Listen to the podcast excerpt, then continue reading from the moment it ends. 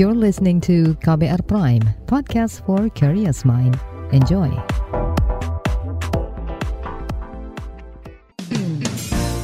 Anda mendengarkan Ruang Publik edisi khusus Indonesia Baik. Bersama kita jadikan Indonesia baik.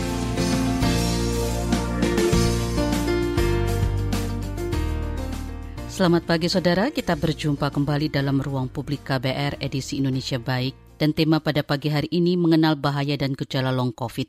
Saudara sejumlah penyintas COVID-19 hingga saat ini masih merasakan gejala yang sama dalam jangka waktu yang lama. Kondisi demikian dikenal dengan nama long COVID. Sebuah studi memperkirakan 10 hingga 30 persen pasien yang terinfeksi virus corona berisiko mengalami gejala long COVID. Lalu apa saja ciri dari long COVID ini dan bagaimana upaya menyembuhkannya? Berikut perbincangan bersama pendiri COVID Survivor Indonesia Juno Simorangkir dan Sekretaris Umum Perhimpunan Dokter Paru Indonesia Dr. Erlang Samudro. Pada segmen ini saya berbincang terlebih dahulu bersama pendiri COVID Survivor Indonesia Juno Simorangkir. Mas Juno ini kan termasuk uh, survivor COVID-19 dan uh, kita juga uh, melihat ada banyak jenis kondisi paparan, ada yang berat, ada yang ringan. Nah, kalau uh, kondisi yang dialami Mas Juno sendiri boleh diceritakan, Mas? Oke, jadi kalau misalkan mau flashback, saya ini kan salah satu survivor di generasi awal ya bulan Maret 2020 ya. Uh, dulu itu kondisi saya itu tergolong uh, ringan ke sedang ya, karena uh, saya banyak sekali gejala yang saya alami, tetapi uh, puji Tuhan nggak ada sesak napas, makanya dikategorikan sedang. Kalau ada sesak napas dia baru berat ya. Nah, Uh, tapi semua gejala yang lain itu saya alami ya, ya mulai dari batuk, diare ya, terus uh, hilang indera pengecapan ya, uh, penciuman juga saya sebetulnya waktu itu nggak terlalu memperhatikan ya. Karena kita dulu generasi awal ya. Jadi masih nggak ngeh gitu ya. Tetapi yang saya ngeh itu saya nggak bisa ngerasakan makanan kemudian ada demam ya demam tinggi dan berhari-hari ada keringat dingin lalu mual ya itu mau muntah aduh nggak enak banget ya rasanya. Uh, sama lemas ya itu betul-betul lemas itu lemas yang wah luar biasa. Nah kalau dari segi gejala awal seperti itu. Nah, habis itu saya uh, sempat isolasi sendiri tuh di kamar gitu kan. Tapi kebingungan juga ya, generasi awal dulu masih bingung harus gimana. Tapi akhirnya saya uh, masuk rawat inap juga uh, karena lama-lama lemas banget ya, betul-betul lemas tuh yang udah takut juga karena saya juga tinggal sendiri jadi kepikiran juga gitu ya takutnya. Karena dulu itu saya angka meninggal masih di atas angka sembuh. Jadi kalau sekarang teman-teman kena mungkin udah bisa lega karena banyak yang sembuh. Kalau dulu saya masih antara waduh nih gimana gue nanti gitu kan. Akhirnya memaksakan diri untuk bisa ke rumah sakit dan memang dokter merekomendasikan untuk dirawat. Nah pada saat itu uh, didapatilah kondisi saya ternyata bronkopneumonia ya banyak putihnya. Dari situ kemudian baru justru di swab ya baru setelah di rumah sakit itu di swab dan dulu hasilnya tuh nggak yang kayak sekarang sehari pun jadi ya. Saya baru dapat hasilnya tuh 15 hari kemudian gitu. Jadi itu kondisinya justru sudah keluar dari rumah sakit baru dapat hasilnya. Dan dulu itu saya ingat ya di rumah sakit banyak gejala awal yang sudah sembuh ya akhirnya sudah membaik. Tetapi ada batuk yang setelah saya selesai rumah sakit masih bertahan terus. Nah, dokter bilang nggak apa-apa itu nanti recovery ya. Nah, ya sudah, yang penting saya sudah uh, sembuh, tapi dokter tetap saya tetap isolasi mandiri. Padahal itu sebetulnya saya sudah lewat dari 14 hari. Nah, ketika saya lepas dari itu, saya mulai isolasi di kamar dan baru dapat hasilnya setelah keluar dari rumah sakit dan hasilnya positif COVID. Nah, jadi bayangin tuh udah keluar malah dapat hasil positif. Waduh, beneran nih gua positif gitu kan. Nah, cuman dari situ karena dulu itu protokolnya itu masih harus dua kali negatif dulu ya baru dibilang dia uh, sudah sembuh. Makanya saya habis dari situ kemudian lanjut ke Wisma Atlet gitu ya. Nah di Wisma Atlet itu selama satu bulan ya, alhamdulillah diterima juga ya di Wisma Atlet gitu kan, ada tempat, kemudian saya di situ dikasih obat apa segala macam. Nah mulai di situlah kemudian uh, tadi ingat ya uh, Mbak Fitri bahwa gejala-gejala awal itu sudah hilang, tinggal batuk. Nah ketika di Wisma Atlet justru saya mengembangkan uh, mulai tuh ya uh, rambut rontok itu sekitar udah hampir sebulan ya dari gejala awal. Jadi saya lihat loh satu hari saya bangun kasur saya semua penuh sama rambut dari ujung sampai ujung itu rambut semua isinya. Saya mandi rambut saya saya keramas gitu ya. Kalau keramas kan di tangan itu sampo bisa kelihatan ya rambut semua isinya. Ya, jadi bener-bener kayak orang apa ya habis kemo kali ya mungkin bisa digambarkan seperti itu. Stressful banget akhirnya. Tapi saya berusaha untuk mm, apa namanya nggak dibawa stres ya. Hanya saya ingin bertanya-tanya gitu, penasaran. Kemudian dari situ berkembang lagi saya nggak bisa tidur ya saya rasakan denyut nadi saya tiba-tiba kok bertambah gitu, bertambah cepat gitu. Waduh, ini kok nggak bisa tidur, tumben-tumbenan gitu ya. Karena ingat ya, saya sudah sembuh untuk gejala awalnya. Jadi nggak ada alasan saya buat apa namanya uh, pusing mikirin. Jadi saya hanya di Wisma Atlet itu hanya untuk memenuhi protokolernya aja harus negatif dua kali gitu ya. Jadi saya cuma ibaratnya numpang tidur di Wisma Atlet itu gitu ya. Nah, tiba-tiba kok saya nggak bisa tidur dibilang banyak kepikiran enggak juga gitu kan kapan lagi bisa liburan sampai dua bulan nggak kerja tapi tetap digaji coba ya jadi kurang lebih kayak gitu nah dari situ saya merasakan denyut nadi cepat, kemudian di belakang kepala juga ikutan berdenyut juga gitu ya. Dan itu bikin pusing, akhirnya bikin nggak bisa tidur ya. Nah, dari situ besoknya pas saya udah pagi-pagi, siang-siangnya tuh tiba-tiba kok ada rasa sakit, nusuk-nusuk di sekujur badan ya. Di dada muncul rasa sakit, jelas gitu. Sakitnya tuh kayak ditusuk jarum suntik uh, di balik kulit. Waduh, itu nikmat banget rasanya. Au gitu kan ya. Ini apa gitu kan. Nah, periksa ke dokter, dokter bingung. Karena kata dokter, waktu itu diminta untuk EKG, hasil EKG normal, dipikirnya jantung gitu ya. Normal kok Pak, mungkin ini hanya pikiran aja. Uh, Oke, okay. saya berusaha untuk mencernanya gitu ya. Kemudian hari berikutnya lagi saya ditensi, ternyata saya mengalami hipertensi di situ. Tensi saya itu sampai 150 per uh, 89 ya. Itu tinggi, saya nggak pernah segitu. Tensi saya selalu normal. Saya katakan, ini saya baru di sini, saya mengalami tensi. Tapi mereka kemudian bersikeras, mungkin Bapak lagi lagi banyak pikiran di sini. Mungkin Bapak uh, terlalu cemas, ya sendirian, apa segala macam. Akhirnya saya gerah juga ya dibilang seperti itu. Mohon maaf dok, saya saya paham yang dokter katakan, cuman dibilang stres enggak, saya di sini cuma numpang tidur ya. Kemudian dibilang sendirian, saya juga sudah empat tahun tinggal sendirian. This is not a big deal for me gitu. Jadi ini jelas-jelas there is something gitu. Jadi sebetulnya saya ingin menyampaikan, memberikan sinyal gitu loh, hey ini ada yang belum beres setelah apa namanya kita mengalami COVID gitu. Ada gejala-gejala yang luput dari informasi yang kita tahu selama ini gitu ya. Nah dari situ kemudian dokter juga nggak bisa kasih apa namanya solusi yang gimana-gimana.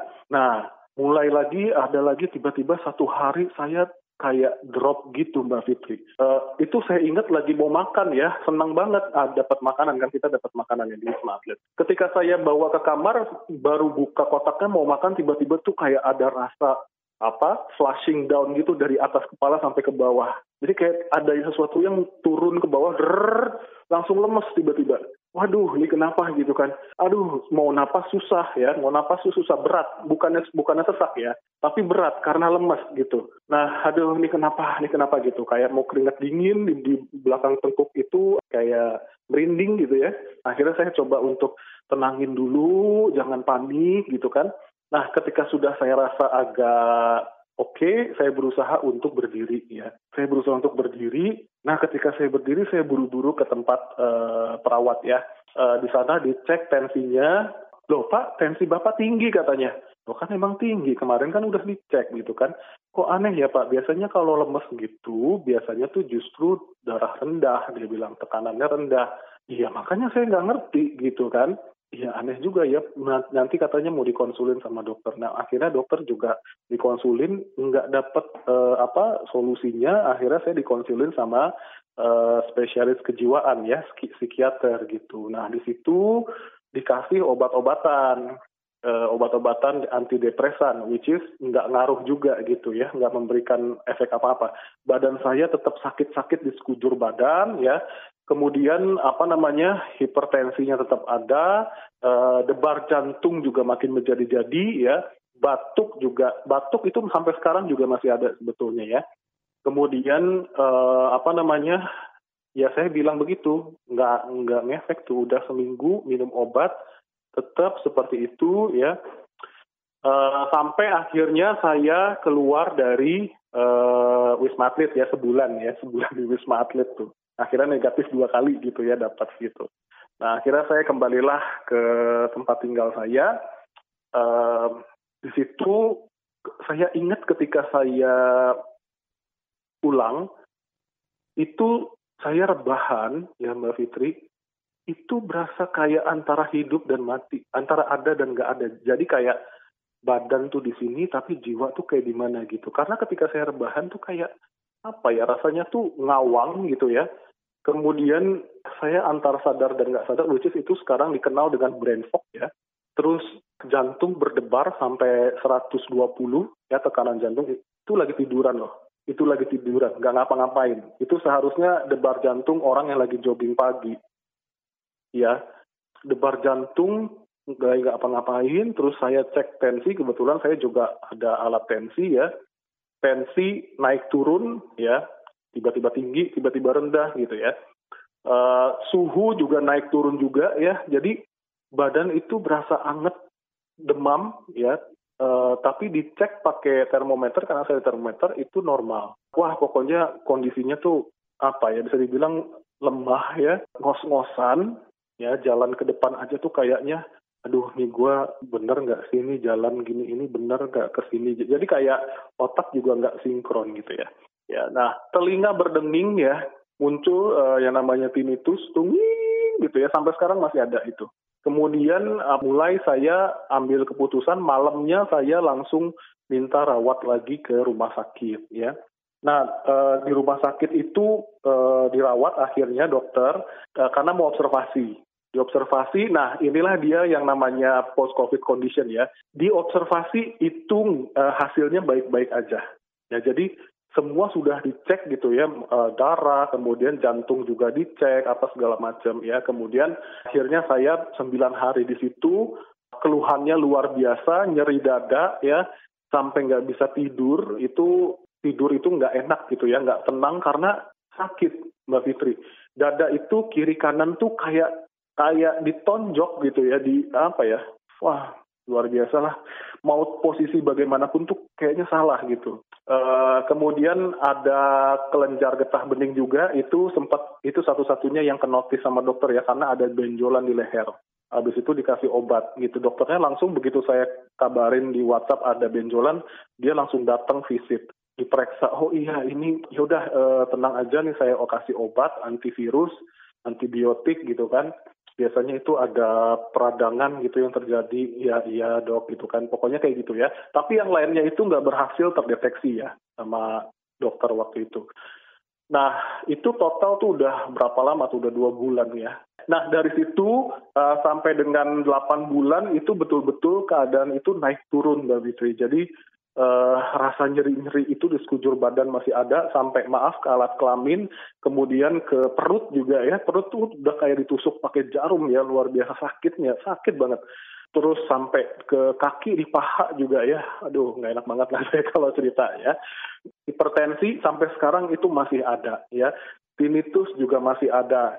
Kurang lebih seperti itu sih Mbak Fitri. Jadi sampai dengan sekarang itu masih banyak yang bertahan gitu ya tinnitus saya yang tadinya nging gitu ya, kalau sekarang ini masih ada tapi dia suka berubah-ubah. Jadi dari kiri itu nging, ke kanan tuh ngung gitu, nging, ngung gitu, nging. Ya nggak, ya nggak sakit sih, cuman kayak mengganggu gitu, kayak lagi kerja tiba-tiba nging, ngung, nggak ada apa gitu. Jangan ke mana-mana, terus simak ke Ruang Publik Indonesia Baik. Masih Anda dengarkan Ruang Publik KBR. Commercial break commercial break. Anda sering gelisah, tidak bisa tidur nyenyak, selalu merasa ada yang merasuki pikiran Anda. Ini bukan iklan horor atau cerita seram, tapi kalau Anda mengalami hal seperti itu, Anda pasti ketinggalan berita terupdate yang lagi ramai diperbincangkan. Gak mau kan dibilang ketinggalan berita?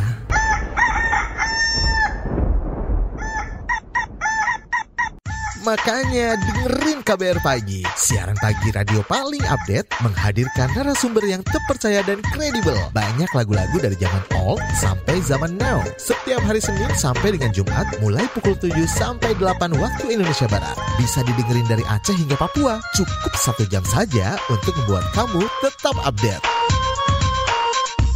Woi, ayam siapa nih? Berisik, saya mau dengerin kabar pagi. Anda mendengarkan Ruang Publik edisi khusus Indonesia Baik. Bersama kita jadikan Indonesia baik.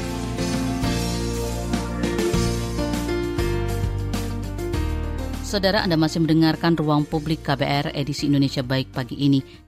Kami masih akan membahas mengenai mengenal bahaya dan gejala long COVID bersama pendiri COVID Survivor Indonesia, Juno Simorangkera. Nah, jadi uh, sekitar 8 bulan ya Mas ya setelah dinyatakan uh, negatif dari COVID, sisa gejala itu dan uh, itu gejala atau gejala berkepanjangan gejala ya. berkepanjangan ya yang muncul terus-menerus ya. Kalau dia muncul seperti Anda katakan bisa terdeteksi dokter seperti benjolan di leher itu bisa diobati.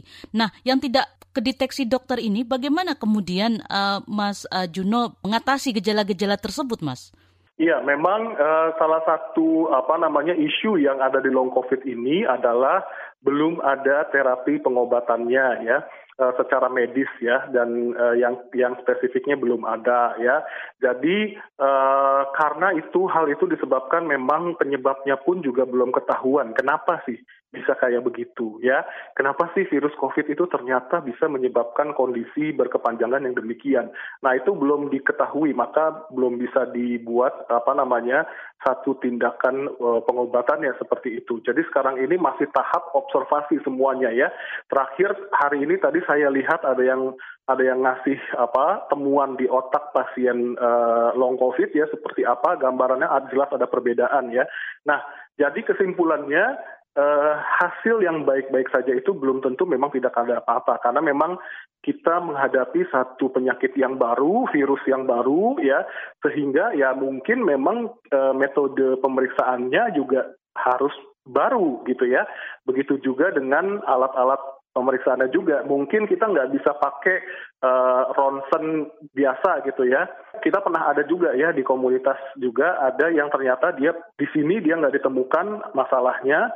Ketika dia berobat ke Singapura ternyata ditemukan ya uh, ada kelainan di jantungnya ya seperti itu. Jadi memang uh, ini tantangan tersendiri memang ya bagi dunia medis gitu. Untuk itu uh, kalau ditanya gitu ya apa sih yang biasanya saya lakukan? Ya sebetulnya sih karena kita juga nggak ngerti juga harus gimana ya kan olah olahraga juga salah gitu. Kenapa? Bayangin aja tadi nggak ngapa-ngapain aja udah kayak orang olahraga intens ya. Jadi sekarang ini justru uh, apa namanya kalau dibilang saya ini udah obesitas ya. Uh, naik 10 kilo dari terakhir saya selesai isolasi itu bukan kenapa-napa karena saya mau olahraga pun juga nggak berani gitu takut. Dan memang dan memang itu uh, nggak mampu juga gitu. Karena cepat capek ya. Dan apa namanya uh, ngos-ngosan gitu. Jadi olahraga tapi saya masih suka kadang-kadang uh, biasanya di weekend itu saya ke GBK ya. Saya lari-lari kecil gitu ya. Yang tadinya saya bisa lari selama apa nonstop satu jam sekarang 10 menit aja itu udah menurut saya udah ngos-ngosan gitu. Itu sekarang ya. Tapi tetap kita memang harus mengupayakan ya. Sekarang itu nggak uh, boleh memang keadaan itu nggak kayak dulu lagi jadi nggak boleh ngoyo gitu ya. Uh, kita harus belajar untuk menerima kenyataan dulu itu yang paling penting ya bahwa memang kita sudah tidak se powerful dulu ya tapi bukan berarti nggak ada sama sekali yang bisa kita lakukan gitu. Jadi caranya itu adalah mengatasinya dengan uh, apa pacing ya namanya. Pacing itu adalah bertahap ya. Jadi nggak nggak langsung digenjot kayak dulu langsung zrak gitu. Kalau dulu kan saya juga rajin nge-gym ya apa segala macam gitu. Kalau sekarang itu belum bisa gitu. Dan harus disupport juga dengan pola hidup yang lainnya juga di antaranya makan makanannya yang sehat ya. Kurang-kurangin yang memang apa namanya bisa memicu penyakit-penyakit yang yang apa yang berhubungan dengan long covid. Dan salah satu contohnya long covid itu identik dengan uh, masalah pencernaan ya. Banyak sekali penyintas yang melaporkan termasuk saya mengalami masalah pencernaan. Pasti itu jadinya GERD ya biasanya gitu biasanya jadi GERD ya uh, kondisinya mirip GERD gitu. Sehingga dokter sering kali uh, salah diagnosa itu GERD. Memang sih GERD cuma maksudnya itu uh, pemicunya adalah infeksi COVID sebelumnya gitu. Nah jadi kita dengan kondisi seperti itu kita harus tahu apa makanan apa yang harus kita makan, apa yang nggak boleh. Ya, kalau misalkan dia sedang ada kondisi di pencernaan, ya kurangi makanan yang pedas-pedas gitu ya, yang asam gitu, seperti itu. Yang goreng-gorengan itu nggak boleh hindari gitu ya, yang susah dicerna juga dihindari kayak gitu. Lebih lebih kayak begitu sih uh, akhirnya gitu ya. Terus kalau bisa hindari stres juga gitu ya. Nah ini mungkin yang agak sulit ya karena saya sekarang juga akhirnya sudah ngantor.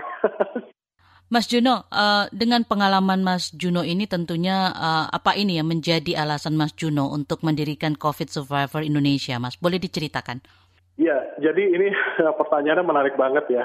Memang apa namanya uh, apa ya waktu itu ketika saya mendirikan COVID Survivor Indonesia itu Eh, cita-cita uh, saya adalah sebetulnya mengenalkan long covid di Indonesia ya. Kenapa saya ingin mengenalkan long covid? Karena menurut saya long covid is the real pandemic cost. Itu. Ya, is the real pandemic impact. Ya, kenapa saya bilang begitu? Karena long covid itu kalau dilihat secara penelitian yang sudah ada, termasuk dari Indonesia juga terakhir dari Perhimpunan Dokter Paru PDPI itu sudah apa mengeluarkan persentase penderita long COVID sebesar 63,5 persen. Ya, jadi itu bukan angka yang sedikit, iya kan? Dan bandingkan, maaf, bukannya saya membandingkan yang gimana ya, cuman maksudnya gini, dengan korban kematian itu yang berkisar di hanya dua persenan, seperti itu. Nah, kita bandingkan dengan korban long COVID yang 63,5 persen ini. Itu kan jauh sekali bedanya. Tetapi kenapa ini justru luput dari perhatian mana-mana? Gitu ya. Dan bahkan saking rendahnya awareness terhadap long COVID, banyak sekali penderitanya justru nggak tahu kalau dia sedang terkena eh, long COVID seperti itu. Makanya kemudian saya berinisiatif, ini nggak boleh dibiarkan gitu ya. Uh, saya juga nggak ngerti seperti apa uh, alasan pemerintah, karena pemerintah nggak per, nggak pernah menginjakan kakinya di sini long covid. Jadi long covid itu di negara ini seperti nggak ada gitu ya. Padahal penyintasnya sangat banyak sekali gitu. Nah di situ kemudian saya mendirikan COVID Survivor Indonesia. Saya ingin memberikan pemahaman. Mungkin ada beberapa memang yang menganggap uh, kami menakut-nakuti bukan gitu. Tetapi ini kita harus bawa dulu faktanya ke ke permukaan ya supaya teman-teman bisa aware ya dan ini juga sebetulnya bisa menjadi apa namanya bahan edukasi preventif juga ya kan ya kalau nggak mau kena long covid jangan sampai kena covid kan seperti itu ya jadi nggak hanya ditekankan perihal uh, resiko kematiannya saja tetapi resiko uh, keluhan berkepanjangannya itu juga ada dan inilah yang justru harus dikhawatirkan. Kenapa? Long COVID itu bisa menurunkan productivity seseorang. Sehingga kalau sekian juta orang itu kompak mengalami long COVID dalam satu negara, otomatis satu negara itu tingkat productivity-nya turun kan? Seperti itu. Dampaknya ke mana? Wah ke mana-mana itu akhirnya ya. Nah inilah yang harus disadari oleh banyak orang termasuk pemerintah juga gitu. Makanya kemudian saya mendirikan COVID Survivor Indonesia. Selain juga kita uh, menampung aspirasi dari apa masalah-masalah lain ya kayak kita juga punya stigma juga ya di antara penyintas seperti itu. Ya kita memberikan support lah istilahnya semangat gitu ya ke teman-teman seperti itu. Saudara, kami ingatkan kembali kalau ruang publik KBR edisi Indonesia Baik hari ini adalah rekaman. Jadi kami tidak bisa menerima pertanyaan dari pendengar. Jangan ke mana-mana. Anda mendengarkan ruang publik edisi khusus Indonesia Baik. Bersama kita jadikan Indonesia baik.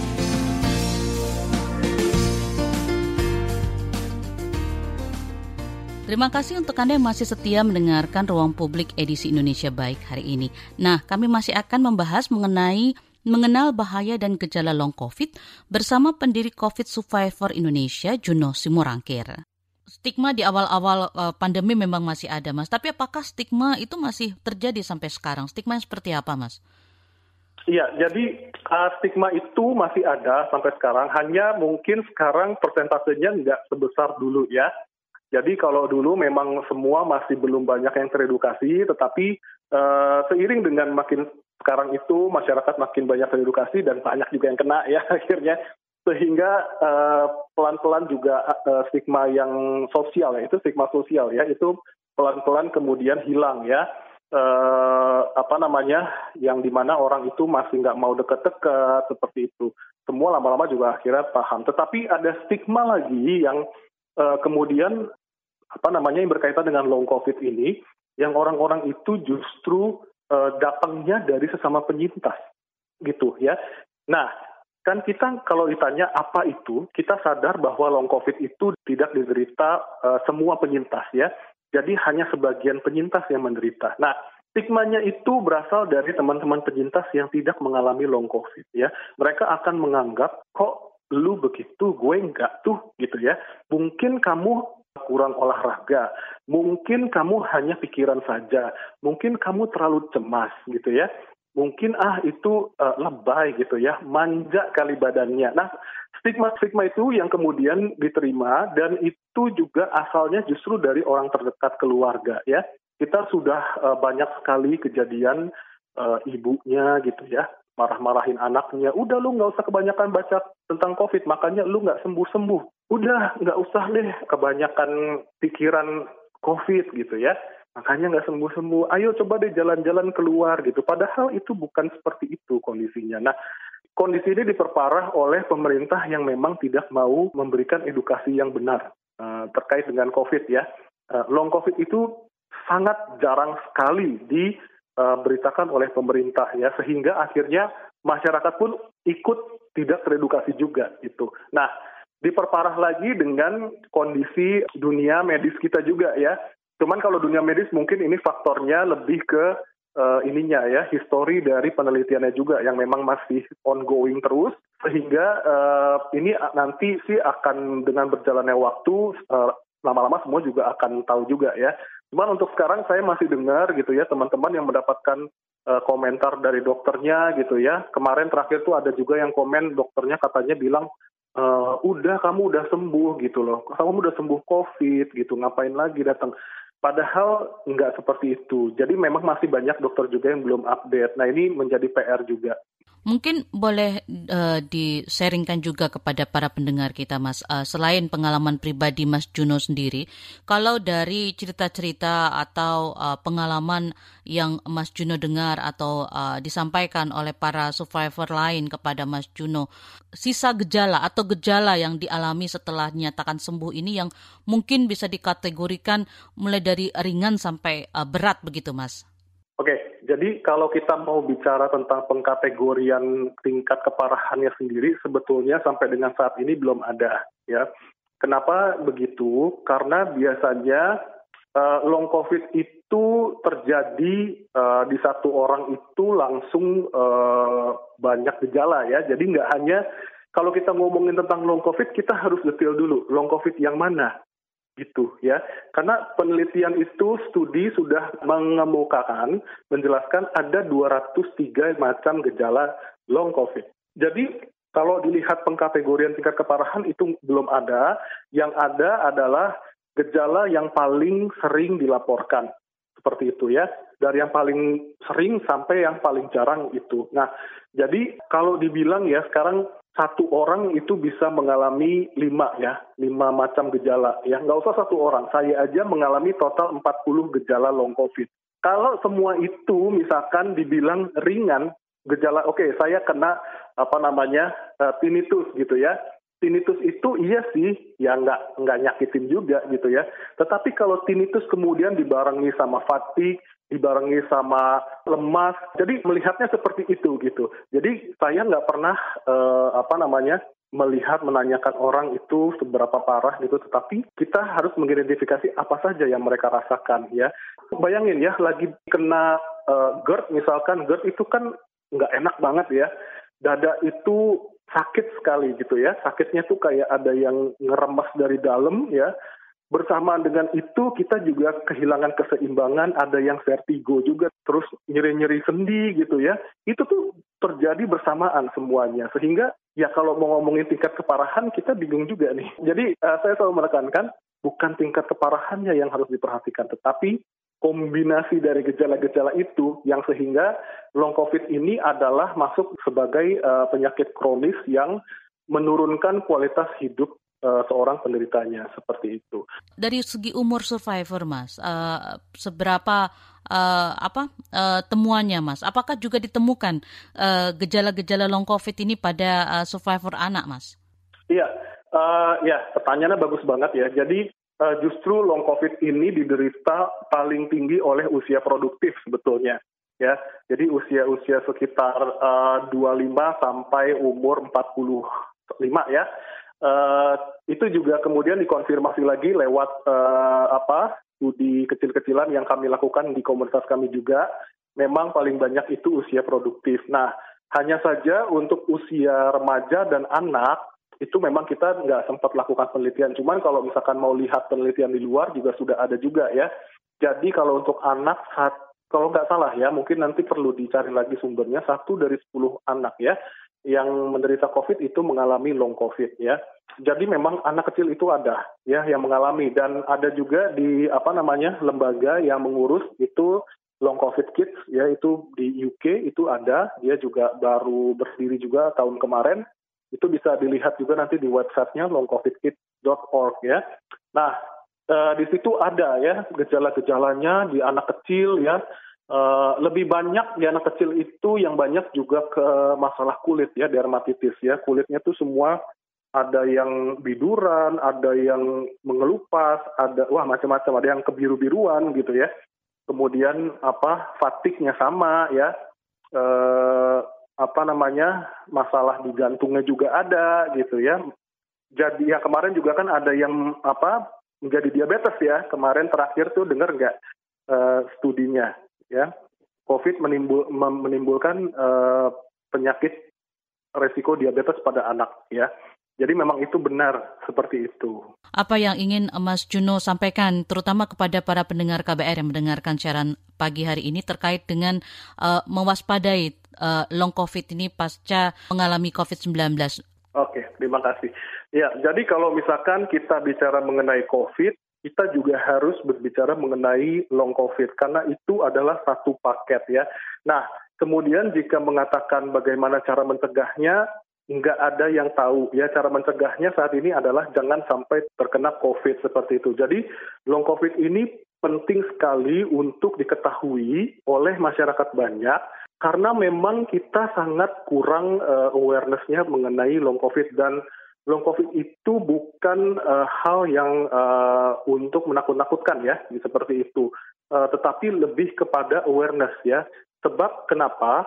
yang seperti yang tadi saya bilang ya, long COVID itu adalah satu kesatuan dengan COVID, sehingga ini adalah hal yang harus juga menjadi perhatian dari negara. Ya, kita itu banyak yang sakit dan harus mendapat perlindungan juga. Kan seperti itu ibaratnya. Sama dengan ketika kita sakit covid di awal ya. Kita mendapatkan perlindungan mendapatkan jaminan kesehatan ya. Tetapi setelah itu kita enggak lagi. Nah kenapa bisa seperti itu gitu kan? Nah itulah yang harus kita kritisi ke pemerintah agar kita bisa mendapatkan penjaminan juga ya setelah kita melewati masa-masa COVID di awalnya gitu ya. Kita kan kena long COVID ini bukan kita karena kena muntaber di depan kan enggak gitu ya. gitu. Jadi memang kita adalah pasien COVID juga di awalnya gitu. Nah, jadi uh, untuk teman-teman gitu ya, mohon kita selalu jaga prokes kita dengan baik ya. Kemudian kalau misalkan ada kesempatan vaksin itu harus ikut vaksin juga ya karena memang penelitian itu uh, mengatakan vaksin itu terbukti efektif mengurangi ya gejala-gejala long covid seperti itu ya. Jadi uh, hal seperti itu yang harus diketahui bersama dan kita perlu tahu dengan benar untuk informasi long covid ini kenapa. Karena kita perlu mengelola komunikasi kita kepada orang yang sedang menderita long covid ya supaya tidak terjadi stigma ya karena stigma ini malah makin memperburuk keadaan seperti itu. Nah mungkin juga boleh dibagi mas uh, media sosial atau website yang dimiliki oleh uh, Survivor COVID Indonesia mungkin untuk bisa dicek oleh para pendengar yang mungkin ingin tahu lebih banyak soal long covid ini mas. Oke, okay. ya jadi kami untuk COVID Survivor Indonesia bisa ditemukan uh, di Instagram at covidsurvivor.id Kemudian Twitter juga ada at COVID Survivor ID. Kemudian uh, Facebook group juga ada COVID Survivor Indonesia. Uh, kita juga ada di Telegram juga. Tapi kalau teman-teman mungkin nanti mau uh, apa bingung gitu ya ngapalinnya bisa lihat di Instagram kami ada di profile bio itu ada linknya tinggal diklik aja nanti bisa masuk dari situ semua. Jangan ke mana-mana terus simak ruang publik Indonesia baik. Masih Anda dengarkan ruang publik KBR. Commercial break. Commercial break. Ada kesedihan, air mata, dan trauma. Namun ada juga gelak tawa, bahagia, dan rasa bangga. Cerita kehidupan manusia adalah perjuangan dan pembelajaran. Pertanyaan dibalik itu secara psikologi, apakah dia punya niat membunuh? Kan belum tentu. Saya kaget ketika ada konflik sesama orang Madura sendiri mengatasnamakan aliran keagamaan. Sejak itu, warga Syiah harus mengungsi sampai sekarang. Untuk kehidupan saya pada waktu itu aja nggak menentu kan. Boro-boro mikirin untuk perpustakaan gitu. Saga, cerita tentang nama, peristiwa, dan fakta. Liputan khas KBR ini telah memenangkan berbagai penghargaan nasional dan internasional. Anda sedang mendengarkan program Saga Produksi KBR. Simak di program Buletin Pagi pukul 6 waktu Indonesia Barat, Buletin Sore pukul 16 waktu Indonesia Barat, dan KBR Pagi pukul 7 waktu Indonesia Barat. Dengarkan Saga di radio jaringan KBR di Nusantara atau streaming di kbr.id. Saga juga hadir dalam bentuk podcast di kbrprime.id. KBR Inspiratif Terpercaya. Anda mendengarkan Ruang Publik edisi khusus Indonesia Baik Bersama kita jadikan Indonesia baik.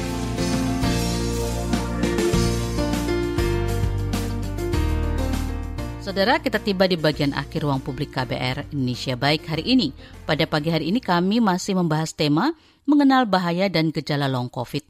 Selanjutnya, kami berbincang bersama Sekretaris Umum Perhimpunan Dokter Paru Indonesia, Dr. Erlang Samudro. Uh, sebelum kita berbincang terkait dengan long COVID, dokter, kami ingin menanyakan mengenai bahaya virus. Ada beberapa literasi kedokteran yang menegaskan bahwa yang membahayakan bukan hanya virusnya, tetapi juga mutasinya, dokter. Nah, sejauh ini ada berapa mutasi virus corona ini di Indonesia, dokter? Kalau mutasi banyak ya, uh, tapi yang menjadi concern perhatian memang yang pertama kan waktu itu alpha sudah ada yang pertama kali masuk kemudian delta, kemudian terakhir ini omikron. Tapi kalau uh, mutasi kecil-kecil banyak sekali karena virusnya ini virus RNA dan ini gampang sekali untuk bermutasi. Apa perbedaan yang paling menonjol antara varian awal yang alpha itu dokter dengan delta dan yang sekarang omikron dokter? Karena ada sifat omikron ini justru tidak menyerang paru, tapi berbeda dengan uh, yang pertama dan yang delta dokter. Boleh dijelaskan? Ya betul. Pada awal yang alfa dan delta itu dia uh, menyerang bagian paru dan kemudian menimbulkan tadi sampai sesak dan kemudian kematian ya yang tinggi. Nah pada omikron ini berbeda, justru dia bereplikasi di saluran nafas bagian atas sehingga gejala utama yang sering timbul adalah pilek, batuk, sama sakit tenggorokan. Kalau sampai kalau pada alfa dan delta dia justru bereplikasi di saluran nafas bagian bawah atau di parunya. Nah, sehingga uh, gangguan terjadi gangguan uh, difusi oksigen ke dalam darah. Jadi uh, transportasi oksigennya jadi terganggu itu menimbulkan orangnya menjadi sesak, kemudian bisa sampai dengan kematian. Terkait dengan uh, long COVID, dokter, istilah ini sudah cukup lama kita dengar sejak uh, awal uh, COVID ini uh, terjadi. Nah, ini boleh dijelaskan apa yang sebenarnya dimaksud dengan long COVID ini, dokter? Uh, long COVID ini gejala sisa dari uh, infeksi dari virus COVID. Nah, kenapa ada gejala sisa? Nah, tadi kalau kita eh, perumpamaan deh seperti kita lihat api unggun bara. Nah, kemudian kalau ketika lagi flame, jadi kemudian gejalanya yang pada awal-awal pertama dia terkena, itu kan harus ada demam, batuk, sesek, dan segala macam. Itu adalah ketika bara itu, api itu besar ya, sekitar ketika, ketika api unggun. Nah, ketika ketika dia padam, atau virusnya udah nggak terdeteksi lagi, baranya kan masih ada. Nah, itulah yang disebut dengan long COVID. Jadi bara-baranya itulah yang makin lama-lama kan akan makin bara akan makin lama makin makin uh, hilang makin lama makin hilang makin lama makin hilang makin hilang nah itu kan butuh waktu itu itu itu yang disebut tadi long covid tadi jadi uh, itu sebagai akibat dari inflamasi inflamasi atau peradangan yang masih tersisa dari uh, setelah virus covid hilang gitu jadi api itu nggak tiba-tiba langsung padam gitu kan terus tapi ada baranya lagi baranya itulah yang tadi disebut covid tadi long covid tadi gejala-gejalanya ya banyak Apakah ini uh, menandakan virusnya itu masih ada di paru-paru, dokter? Makanya terjadi long COVID ini, dokter? Nah, sama seperti uh, apa namanya uh, api tadi. Apinya udah ada, udah masih ada apa enggak? Udah nggak ada kalau baranya. Apinya sudah nggak ada kan? Jadi tinggal baranya saja. Nah itu seperti itu gambarannya. Jadi virusnya sudah nggak ada, tapi inflamasinya atau peradangannya yang masih ada. Jadi baranya itulah masih ada. Sejauh ini dari yang uh, dokter pernah baca dan temukan, seperti apa sebenarnya uh, sisa-sisa ini dokter yang disebut sebagai long COVID ini dokter? Uh, gejala-gejalanya sih banyak ya, uh, mulai dari sakit kepala, kemudian uh, batuk yang terus menerus, yang makin lama masih, masih terus sulit tidur, badan terlelah, itu itu yang, yang sering terjadi sih. Bagaimana mengatakan bahwa itu memang bagian dari long covid itu dan bukan karena penyakit lain, dokter? Uh, biasanya kira uh, kalau ada penyakit lain berarti ada ada penyebab yang lainnya, tetapi kalau dia memang uh, hanya karena setelah pasca COVID-nya, itu long COVID. Yang untuk long COVID ini dokter, apakah dia terkait dengan varian tertentu atau semua varian bisa menimbulkan long COVID dokter sejauh ini dalam pemantauan Anda? Uh, gini, kalau apa namanya uh, apinya gede, inflamasinya besar, baranya makin lama kan hidupnya. Nah itu sama seperti itu. Kalau apinya kecil, mungkin baranya akan kecil juga, jadi sedikit. Jadi kalau uh, pada kita ketahui bahwa varian alpha sama delta kemarin itu meningkatkan inflamasi yang hebat, bahkan sampai terjadi kematian. Nah, itu biasanya terjadi tadi long COVID tadi. Tapi kalau Omicron ini yang mayoritas gejalanya ringan, uh, itu biasanya baranya juga kecil juga kan. Sampai sekarang sih karena Omicron ini masih baru, kita belum bisa lihat uh, fenomena long COVID-nya. Apa kondisi yang membuat seseorang kemudian mengalami long COVID ini dan tidak, dokter? Apakah ada kriteria tertentu?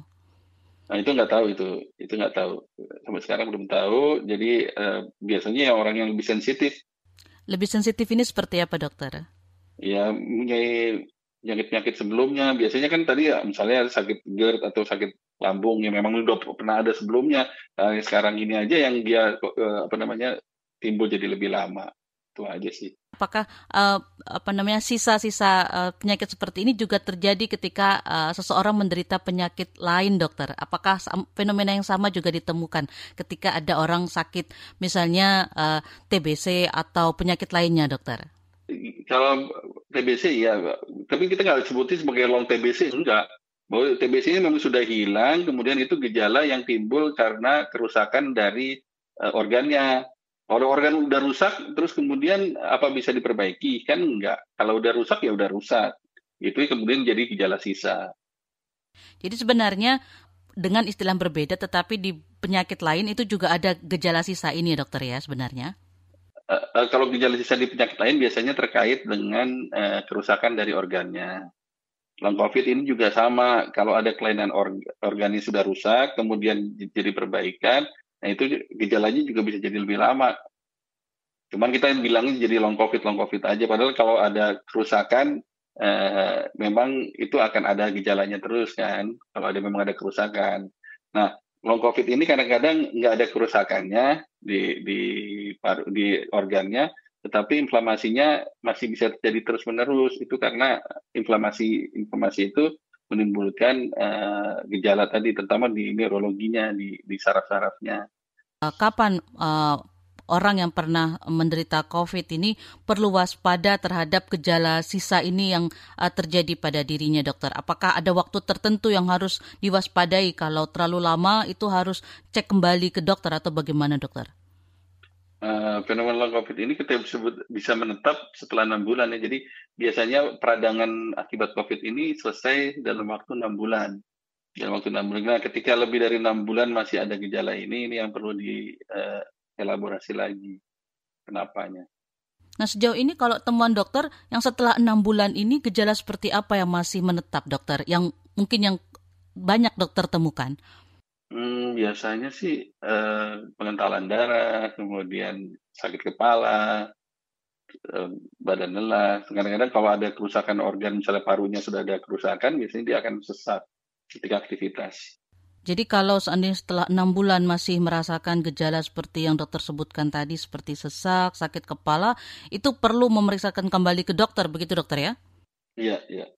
Nah, tetapi apakah ada sifat fatal dari long COVID ini, dokter? Enggak. Tidak dokter ya? Enggak. Enggak. Long COVID kan enggak ringan. Apakah bisa dihindari long COVID ini dokter? Gejala sisa ini apakah bisa dihindari? Enggak bisa. Ya tergantung dari respon tubuhnya aja. Nah, berarti ketika uh, seseorang uh, setelah uh, dinyatakan positif dari COVID, apa yang harus dilakukan untuk bisa menyiapkan tubuhnya lagi untuk menghadapi uh, gejala sisa ini, dokter? Gejala sisa ini tergantung dari uh, kitanya. Jadi uh, kalau mau dirasa-rasa ya juga semua jadi ada gitu loh. Tetapi kalau kalau apa namanya kalau kita tetap optimis bahwa kita akan mengalami sembuh. Jadi satu psikis juga kita harus yakin bahwa diri kita sembuh, kita dia sehat, bisa dan segala macam bisa bisa aktivitas. Optimis, kemudian olahraga. Jadi karena olahraga itu akan uh, menimbulkan tubuh kita jadi lebih baik, dan kemudian uh, secara psikis juga jadi lebih baik kitanya. Bagaimana dengan makanan dokter atau suplemen barangkali? Ada yang direkomendasikan? Kalau suplemen ya vitamin ya silakan. Itu kan untuk meningkatkan daya tahan tubuh kita. Terus kemudian makanan yang penting adalah uh, makanan yang seimbang, gizinya seimbang. Uh, itu yang penting banyak sayur dan buah. Nah dokter juga kan uh, kita tahu sudah uh, ada juga orang-orang yang sudah mendapatkan uh, vaksin lengkap dua dosis bahkan juga vaksin ketiga, tetapi masih juga mengalami COVID dan bahkan sampai tiga kali dokter. Nah mengapa hal ini bisa terjadi dokter? Apakah memang ketika tubuh sudah menerima vaksin sampai uh, dosis ketiga itu masih tetap bisa uh, dimasuki atau dipengaruhi oleh virus seperti COVID ini, dokter? gini, kalau masalahnya di COVID ini uh, virusnya dia berubah-ubah. Jadi uh, vaksin yang dikenalkan, jadi kalau saya kenal sama ibu, kemudian saya tahu muka ibu, terus kemudian dikasihkan, dikenalkan lagi dengan suami ibu, saya nggak kenal, nggak tahu, ya kan? Saya karena saya nggak kenal, saya nggak pernah lihat wajahnya. Apakah saya bisa mengenali? Kan nggak nggak bisa mengenali. Saya kenalnya sama ibu. Jadi seperti itu. Jadi karena karena virus ini jadi berubah-ubah, tidak jadi satu mukanya bukan satu jadi mukanya jadi banyak jadi kita sulit untuk mengenali tetapi uh, vaksin ini bisa mengenali uh, jenisnya bahwa ini adalah orang gitu loh bukan monyet bukan bukan bukan binatang ini adalah orang jadi kita tahu bahwa ini adalah orang jadi uh, tetap akan kita uh, tidak bisa mengenali tetapi kita tahu uh, jenisnya jenisnya wow ini adalah orang bukan dia bukan binatang gitu jadi proteksinya uh, mungkin nggak 100%, tetapi tetap ada proteksi. Itu yang penting. Jadi kalau kita bisa mengenali uh, ini adalah bahaya atau tidak, uh, karena tadi pengenalan dari jenisnya, it, itu jadi mengurangi severitas atau mengurangi beratnya penyakit. Jadi penting sekali untuk dilakukan vaksin supaya tubuh bisa mengenali. Walaupun tidak mengenali 100%, tetapi paling nggak bisa mengenali jenisnya tadi itu yang yang kemudian uh, kenapa vaksin ini jadi diharuskan untuk semua orang supaya semua orang bisa mengenali uh, tubuhnya bisa mengenali bahayanya bahwa ini ya tapi bukan berarti dia tidak bisa terinfeksi ya Nah, apakah juga long COVID ini bisa mengenai orang yang sudah lengkap dosis vaksinnya, dokter, ketika kena COVID ini, dokter? Ya bisa, kan uh, virus ini bisa berubah-ubah, bisa seribu wajah termasuk gejala sisa yang dialami nanti juga ada kemungkinan begitu dokter ya? Itu belum tahu Bu. Jadi kan uh, ketika dia berubah sifatnya juga akan berubah. Sifat ibu sama suami ibu kan beda. Jadi apakah dia menimbulkan kerusakan atau tidak, kerusakan di mana itu berbeda-beda setiap kali dia melakukan mutasi atau berubah wajahnya. Demikian saudara ruang publik KBR edisi Indonesia Baik hari ini dengan tema mengenal bahaya dan gejala long COVID. Terima kasih untuk kebersamaan Anda di pagi ini. Saya Fitri Anggreni undur diri. Salam. Baru saja Anda dengarkan Ruang Publik KBR. KBR Prime, cara asik mendengar berita. KBR Prime, podcast for curious mind.